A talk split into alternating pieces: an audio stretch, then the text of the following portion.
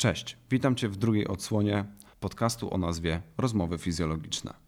Bohaterem dzisiejszego odcinka będzie wszystkim, myślę, że dobrze znana łąkotka. Tematem przewodnim właśnie tego odcinka jest łąkotka jako ostatni bastion chrząstki stawowej. Cały podcast podzieliłem sobie na kilka punktów. Na początku opowiemy sobie skrótowo, co to jest łąkotka, jaką ma anatomię i biomechanikę, jaką pełni funkcję. Później przejdziemy sobie do mechanizmów i rodzajów uszkodzenia. Oczywiście bardzo ciekawych informacji myślę, że dla pacjenta, czyli możliwości leczenia uszkodzonych łąkotek, a na samym końcu poruszę również tematykę leczenia zachowawczego właśnie uszkodzonej łąkotki, czy ma ono sens, czy nie, jeśli ma, to w których przypadkach. A ostatnie dwa punkty to właśnie rehabilitacja po usunięciu oraz po naprawie uszkodzonej łąkotki. Także serdecznie zapraszam do słuchania. Na początek bardzo krótko, co to jest łąkotka i jaką pełni funkcję. Tutaj myślę, że powinienem używać bardziej słowa łąkotki niż łąkotka, ponieważ oczywiście mamy łąkotkę boczną i przyśrodkową. Obie leżą wewnątrz stawu kolanowego, czyli pomiędzy kością piszczelową i kością udową. Przytwierdzone są do kości piszczelowej i tutaj takie anatomiczne rzeczy, które mają duże znaczenie właśnie w przypadkach uszkodzeń tej tych, tych łąkotek, to to, że łąkotka przyśrodkowa ma bezpośrednie połączenie z torebką stawową, także w przypadku na przykład urazów skrętnych stawu kolanowego, no, no pociągnięcie, czy, czy naderwanie, czy rozerwanie tej torebki stawowej skutkuje również uszkodzeniem właśnie łąkotki przyśrodkowej. A ta łąkotka przyśrodkowa dużo częściej ulega urazom niż łąkotka boczna, ale tutaj znowu patrząc anatomicznie i patrząc biomechanicznie, to właśnie łąkotka boczna jest dużo ważniejsza dla stawu kolonowego, czyli uszkodzenia łąkotki bocznej mają dużo większe i dużo gorsze skutki dla stawu kolonowego niż uszkodzenia łąkotki przyśrodkowej. Obie te łąkotki mają taki kształt księżycowaty, można tak to nazwać, czyli są grubsze od zewnętrznej e, strony stawu kolanowego i czym głębiej do właśnie tego stawu tym robią się po prostu cieńsze. Mm, I obie te łąkotki mają trzy warstwy ukrwienia. Od zewnętrznej warstwy właśnie powiedzmy sobie na, na przykładzie łąkotki przyśrodkowej, tutaj w tej y, warstwie zewnętrznej w połączeniu z torebką stawową, tam jeszcze ukrwienie łąkotki jest dosyć niezłe e, i uszkodzenia e, tej struktury właśnie w tej warstwie czerwonej mogą ulec regeneracji, czy mogą ulec samonaprawie, można tak to nazwać ale niestety już tam warstwa głębsza, czyli warstwa biało-czerwona, czyli słabo ukrwiona i warstwa biała, no tutaj uszkodzenia w tych dwóch warstwach się po prostu nie goją i często wymagany jest po prostu zabieg operacyjny, który e, ma na celu połączenie tych rozwarstwionych części łąkotki, czy to przyśrodkowej, czy łąkotki bocznej. Wracając do łąkotki bocznej, tak jak już mówiłem, nie ma ona takiego bezpośredniego połączenia z torebką stawową jak łąkotka przyśrodkowa, więc jest również łąkotką dużo bardziej ruchomą. No tutaj patrząc sobie od pełnego wyprostu do pełnego zgięcia stawu kolanowego, łąkotka boczna potrafi przemieszczać się nawet 2 cm. Także to jest bardzo dużo, jeśli chodzi o staw kolanowy. I pamiętajmy również, że obie łąkotki w momencie zgięcia, pełnego zgięcia stawu kolanowego są dosyć mocno kompresowane, także uszkodzenia tych struktur, jeśli patrzymy sobie na diagnostykę taką funkcjonalną, no to właśnie jednym z, z najważniejszych i najbardziej czułych testów jest pełne zgięcie stawu kolanowego i, i sprawdzamy sobie u pacjenta po prostu, czy pojawiają się przy tym dolegliwości bólowe, czy nie. Jeszcze wracając sobie o, do, do diagnostyki funkcjonalnej, no tu niestety nie mamy takich rewelacyjnych testów e, łąkotkowych, które będą nam różnicować, czy na pewno łąkotka jest uszkodzona i czy to uszkodzenie daje dolegliwości bólowe, czy nie. No, mamy takie trzy główne testy. To są test, to jest test Apleya, test McMurray i test Tesali, które tak naprawdę, jeśli spojrzymy sobie w badania naukowe, no to, to nie mają za rewelacyjnych wyników mają takie różnicowanie około 55% szans na to, żeby pokazać to uszkodzenie łąkotki i zdiagnozować, że łąkotka jest uszkodzona, więc to takie 50 na 50 można tak powiedzieć, ale biorąc pod uwagę diagnostykę funkcjonalną, właśnie wykonanie tych kilku testów łąkotkowych i jeśli widzimy u pacjenta, że te testy dają nam pozytywne wyniki, czyli dają po prostu dolegliwości bólowe pacjentowi i połączymy sobie to z wywiadem, który przeprowadzamy z pacjentem, jaki był mechanizm uszkodzenia albo kiedy pojawiły się dolegliwości bólowe, kiedy w ogóle te dolegliwości się pojawiają w ciągu dnia, no to możemy tutaj sobie mniej więcej zdiagnozować to uszkodzenie łąkotki i, i, i możemy dojść do wniosku, czy, czy te dolegliwości mogą być spowodowane właśnie uszkodzeniem łąkotki, czy nie. Jaką funkcję e, pełnią łąkotki w stawie kolanowym? Oczywiście przede wszystkim funkcję amortyzacyjną, czyli nie bez przyczyny e, ten podcast nazywa się właśnie łąkotka jako ostatni bastion dla chrząstki stawowej, ponieważ to właśnie łąkotki są najważniejszymi strukturami, które mają chronić chrząstkę stawową przed przeciążeniem. No i tutaj niestety, no, jeśli ma, widzimy uszkodzenie tej struktury, uszkodzenie łąkotki, czy w późniejszym skutku usunięcie jej fragmentu, czy usunięcie całości łąkotki, no to wieloletnie badania pokazują, że, że no niestety ci pacjenci, którzy ulegli właśnie urazom łąkotki, czy mieli zabiegi operacyjne na łąkotkach, mają szybsze zmiany zwyrodnieniowe stawu kolanowego. Dużo gorzej wygląda to oczywiście po usunięciu łąkotki, ale nie wygląda to też super rewelacyjnie w przypadku naprawy e, tej struktury. W takim razie, jakie mamy mechanizmy uszkodzenia i jakie są rodzaje uszkodzenia łąkotek? No tutaj, jeśli chodzi o mechanizmy, możemy podzielić sobie je na uszkodzenia urazowe, czyli właśnie uszkodzenia na przykład w przypadku skręcenia stawu kolanowego oraz uszkodzenia przeciążeniowe, czyli uszkodzenia z kumulujących się mikrourazów zbieranych przez bardzo, bardzo długi czas. Tutaj dobrym przykładem są osoby, które po prostu uprawiają sport, nie do końca są do niego przygotowane lub e, uprawiają go zbyt intensywnie. Mm, no, no zauważamy tutaj w gabinetach fizjoterapeutycznych, e, że często są to pacjenci, którzy uprawiają aktywności gdzieś tam biegowe, skocznościowe, gdzie tych przeciążeń stawu kolanowego jest dużo więcej, a które nie są do końca przygotowane do treningu, jeśli chodzi o, o, o swoją motorykę czy o, o, długość tego treningu. Tutaj biegacze, czy mm, siatkarze, czy koszykarze, którzy uprawiają sport mm, dosyć nieregularnie, no, no, no są jedną z grup, które często ulegają właśnie uszkodzeniom przeciążeniowym. Jeśli chodzi o uszkodzenia przeciążeniowe, są to zazwyczaj uszkodzenia typu horyzontalnego, czyli takie, takie uszkodzenia, w których łąkotka jest w cudzysłowie przecinana czy rozwarstwiana e, w takiej płaszczyźnie równoległej do podłoża, czyli właśnie w płaszczyźnie horyzontalnej. Mamy również inne rodzaje uszkodzenia. Takim najbardziej znanym i takim można powiedzieć, że spektakularnym jest uszkodzenie typu rączka od wiadra, czyli e, uszkodzenie w płaszczyźnie strzałkowej, rozwarstwienie łąkotki. Mm, mamy oczywiście również uszkodzenia na przykład typu slap, czyli, czyli uszkodzenie z, z oderwaniem części czy oderwaniem fragmentu łąkotki, który po prostu staje się ciałem wolnym w stawie kolanowym.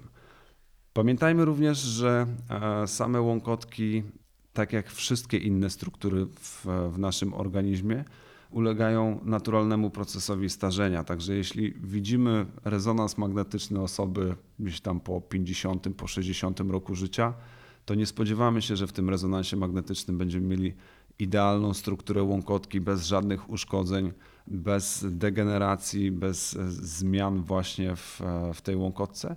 Także nie musimy od razu i nie powinniśmy od razu E, po ocenie samego rezonansu magnetycznego wnioskować, że uszkodzenie łąkotki jest dużym problemem pacjenta czy problemem bólowym pacjenta. Musimy to po prostu diagnozować również funkcjonalnie, ponieważ tak jak wiem, skóra się starzeje i pojawiają się na niej zmarszczki, tak łąkotka również z wiekiem i z, latami jej używania e, ulega po prostu degeneracji i tym, tym już tym wspomnianym naturalnym procesom starzenia. Jakie mamy możliwości leczenia uszkodzonej łąkotki? No, tych możliwości mamy kilka. Taką najgorszą opcją dla pacjenta jest oczywiście usunięcie fragmentu uszkodzonej łąkotki, czyli tak zwana meniscektomia. No, ten zabieg wykonuje się już aktualnie w dzisiejszych czasach tylko artroskopowo.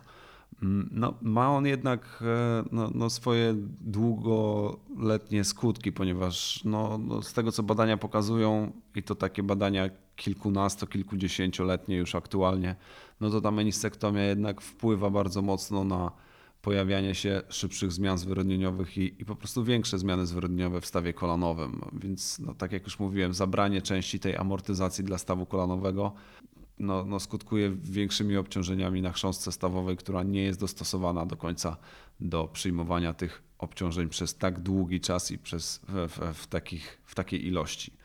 Mm, mamy również możliwość zszycia uszkodzonej łąkotki i to jest jeden z zabiegów najczęściej wykonywanych właśnie na uszkodzeniach tej struktury.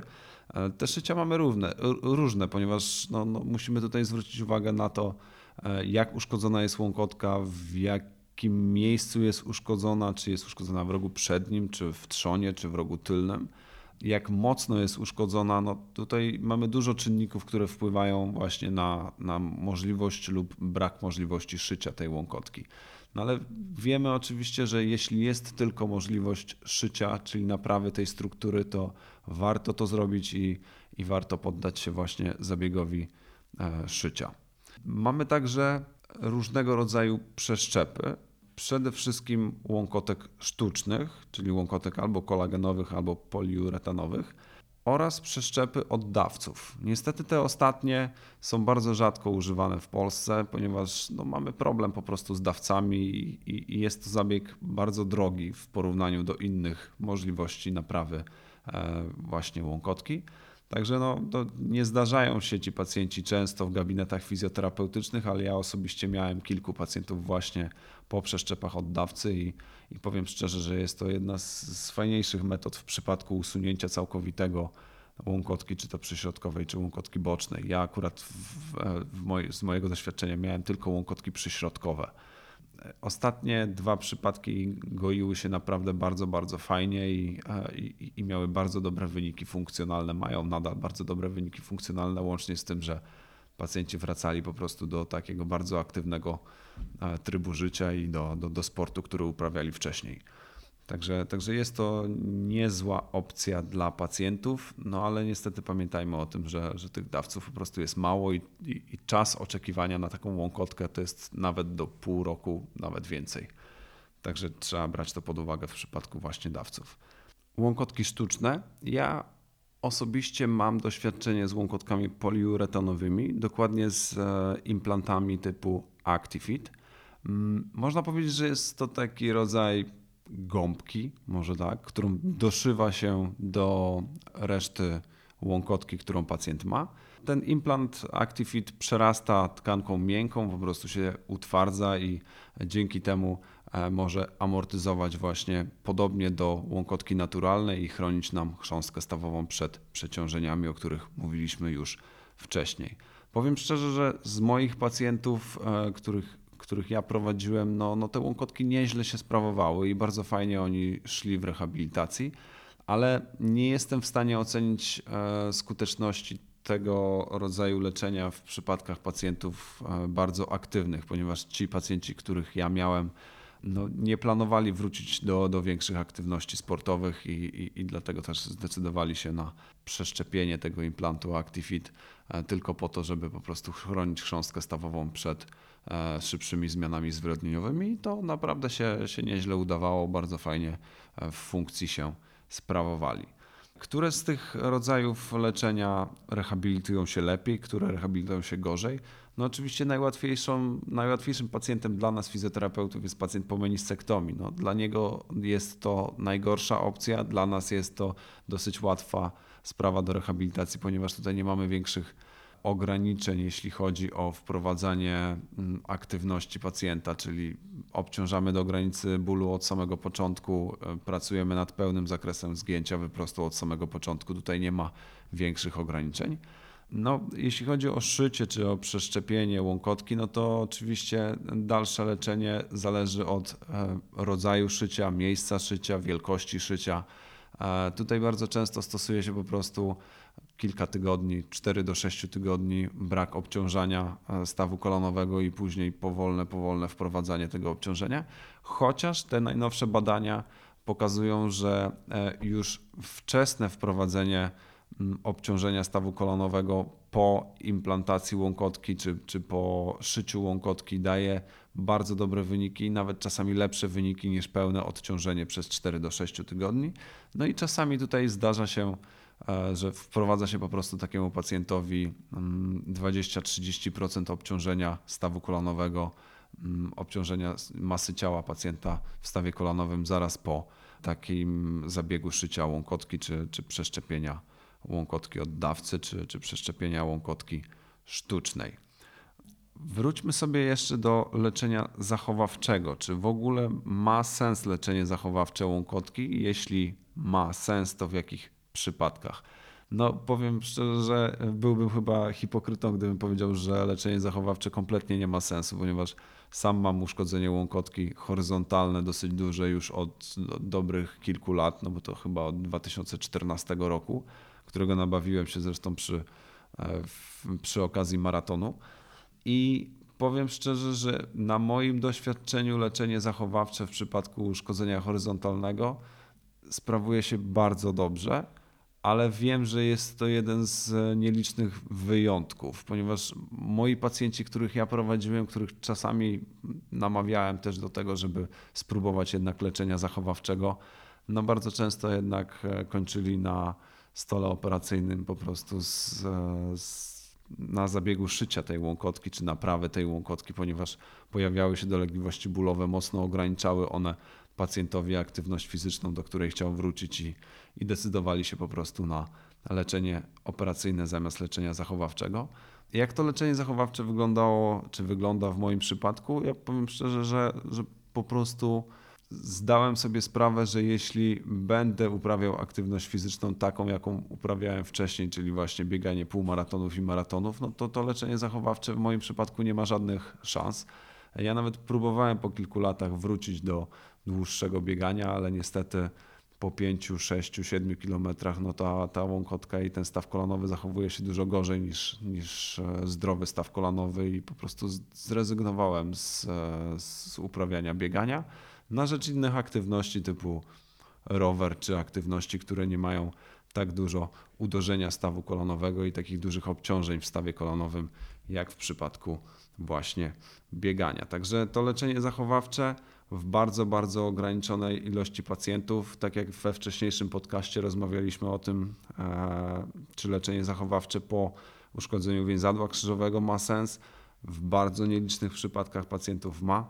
I tutaj myślę, że jeśli chodzi o łąkotkę, to również mamy bardzo, bardzo podobną sytuację, w której jeśli pacjent już e, poddaje się temu leczeniu zachowawczemu, nie ma dolegliwości bólowych, nie uprawia sportu takiego bardzo dynamicznego, gdzie ma bardzo dużo skakania czy biegania, no to jest gdzieś tam szansa na to, żeby to leczenie zachowawcze przyniosło podobny skutek, e, przynajmniej jeśli chodzi o dolegliwości bólowe Mm, co leczenie operacyjne. No ale trzeba sobie znowu zdać sprawę z tego, że, że no wiadomo, że ta amortyzacja samej łąkotki uszkodzonej, która nie była nigdzie zabezpieczona w żaden sposób, no będzie dużo gorsza i prawdopodobnie te zmiany zwyrodnieniowe również będą się pojawiać troszkę szybciej w takim stawie kolanowym. No ja poszedłem w taką, e, w taką możliwość, e, że po prostu robię sobie rezonans magnetyczny raz na półtora, raz na dwa lata i sprawdzam, jak wygląda chrząstka stawowa, jak wygląda warstwa podchrzęstna i czy, czy w tej chrząstce i w tej warstwie podchrzęstnej pojawiają się jakieś większe zmiany, e, większe lub mniejsze zmiany i, i, i jeśli zaczną się pojawiać większe zmiany, to może zdecyduję się na zabieg operacyjny, póki ta łąkotka nie daje mi żadnych dolegliwości bólowych i nie ogranicza mnie w funkcji typu praca zawodowa czy wprost aktywności sportowe, to po prostu jej nie operuję, ale wiem, tak jak już mówiłem, że jest to jeden z nielicznych wyjątków, ponieważ kilku moich pacjentów po prostu e, próbowało tego leczenia zachowawczego i zazwyczaj niestety z miernym skutkiem i późniejszym zabiegiem operacyjnym. Ok, jeśli omówiliśmy sobie możliwości leczenia, e, to omówmy sobie również rehabilitację. E, jak w skrócie wygląda ta rehabilitacja właśnie po poszczególnych mm, możliwościach leczenia głównie operacyjnego. No bo tutaj, tak jak już powiedziałem, rehabilitacja po meniscektomii, czyli po wycięciu fragmentu lub cało, całej łąkotki jest taka mocno objawowa i tutaj nie mamy większych ograniczeń, ale w przypadku e, szycia czy przeszczepu, mm, tak jak mówiłem, już te ograniczenia niestety mamy. Jeśli e, chodzi o szycie łąkotki, no to tak jak powiedziałem, zależnie od wielkości, od miejsca szycia, mamy tutaj okres odciążenia stawu kolanowego, zazwyczaj nie dłuższy niż 6 tygodni. Po tym okresie odciążenia oczywiście zaczynamy obciążać staw kolanowy stopniowo, wprowadzając tutaj przez 2-3 tygodnie pełne obciążenie. Mm, ograniczeniem jest również zakres ruchu stawu kolanowego po takim szyciu. No, no po takich bardzo dużych szyciach, takie największe jakie ja spotkałem to chyba było 6 szwów na, na łąkotce przyśrodkowej. No to tutaj stosujemy najczęściej taki, e, taką zasadę 30, 60, 90, czyli w pierwszych dwóch tygodniach pacjent może zginać 0,30 stopni, w następnych dwóch tygodniach 0,60 stopni i w kolejnych dwóch tygodniach do szóstego tygodnia e, pacjent osiąga zgięcie około 90 stopni stawu kolanowego. Mm, po 6 tygodniach tutaj ból jest wyznacznikiem i możemy pracować z pacjentem w kierunku pełnego zgięcia stawu kolanowego, ale tak jak już powiedziałem wcześniej, przy pełnym zgięciu, e, czy, czy przy coraz większym zgięciu stawu kolanowego, no, łąkotka przyśrodkowa i łąkotka boczna są mocno kompresowane. Jeśli są mocno, mocno kompresowane, a mają założone szwy świeżo, no to wiemy, że tutaj mamy ryzyko rozerwania tych szwów, także trzeba to robić bardzo umiejętnie i powoli i, i do granicy dolegliwości bólowych, że tak powiem pracować z pacjentem, nie przekraczać tych dolegliwości bólowych, ponieważ może to po prostu grozić uszkodzeniem takiej zregenerowanej struktury. Jeśli chodzi o implanty, jest to bardzo, bardzo różnie, ale zazwyczaj również pacjent nie obciąża stawu kolonowego do 6 tygodni. E, zakres ruchomości, no tutaj mocno ograniczony przez dolegliwości bólowe, ale też nie zaleca się przez te pierwsze 4-6 tygodni zgięcia większego niż 90 stopni. Takie badania które ja znalazłem, pokazują, że do 110 stopni zgięcia stawu kolanowego ta łąkotka nie jest bardzo obciążana, więc, więc te 90, 100, 110 stopni to jest taki bezpieczny zakres, w którym możemy z pacjentem pracować. I w którym powinniśmy z pacjentem pracować. Ja nie mówię tutaj, że przez pierwsze dwa tygodnie czy trzy tygodnie powinniśmy osiągnąć zgięcie 110 stopni, no bo to się zazwyczaj się nie udaje, ale jeśli pacjent nie ma większych dolegliwości bólowych na początku ruchu zgięcia, to nie powinien mieć ich później również w okolicy właśnie tych 80, 90, 100 stopni zgięcia. Jeśli ich nie ma, to oczywiście możemy taki zakres wykorzystać. Tutaj bardzo ważna rzecz, żeby jednak konsultować ten proces rehabilitacji z lekarzem operującym. On, lekarz operujący w czasie zabiegu widzi dokładnie, jak ta łąkotka wygląda, jakiej jest jakości, w którym miejscu ją szyje, w którym miejscu ją naprawia, czy, czy jak wyglądał implant i jak wyglądała sama implantacja te, tego, te, tej, tej struktury. E, więc da nam e, genialne i, i niezbędne wskazówki do tego, żeby ten proces rehabilitacji przeprowadzić w prawidłowy sposób i optymalnie, może tak, żeby go nie spowalniać, ale też żeby go nie przyspieszać za bardzo i żeby nie wchodzić z pacjentem w zakresy czy to zgięcia, czy obciążenia, które mogłyby po prostu taki implant czy takie szycie uszkodzić. Mm, w późniejszym czasie, jak długo trwa w ogóle rehabilitacja? Może, może od tego też zacznijmy. W przypadku szycia łąkotki jest to około 3-4 miesiące powrót do pełnej aktywności no to jest nawet do pół roku od e, dużego szycia łąkotki, czy to przyśrodkowej, czy łąkotki bocznej.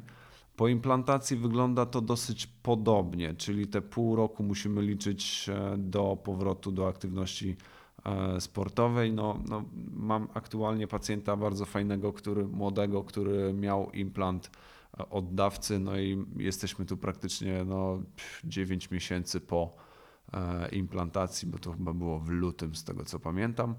No, robi już praktycznie wszystko, co może. Skacze, biega, sprinty, e, duże przeskoki przez boksy, e, duża dynamika, plyometria, co się da. Tu już praktycznie nie ma żadnych ograniczeń oprócz ograniczenia takiego minimalnego w końcowym zakresie zgięcia. Także dla mnie jest to taki idealny przykład pacjenta właśnie po implantacji łąkotki tak, taką dynamikę wprowadzaliśmy około 5-6 miesiąca od zabiegu, czyli, czyli dosyć późno, ale no, no, sama implantacja łąkotki, no to wiemy, że to jest bardzo duży zabieg, więc, więc tutaj dmuchamy trochę na zimne i nie wypuszczamy pacjenta w trzecim miesiącu do, do biegania i skakania, tylko przedłużamy trochę ten proces rehabilitacji. Ok, myślę, że najważniejsze informacje, jeśli chodzi o łąkotkę, przekazałem.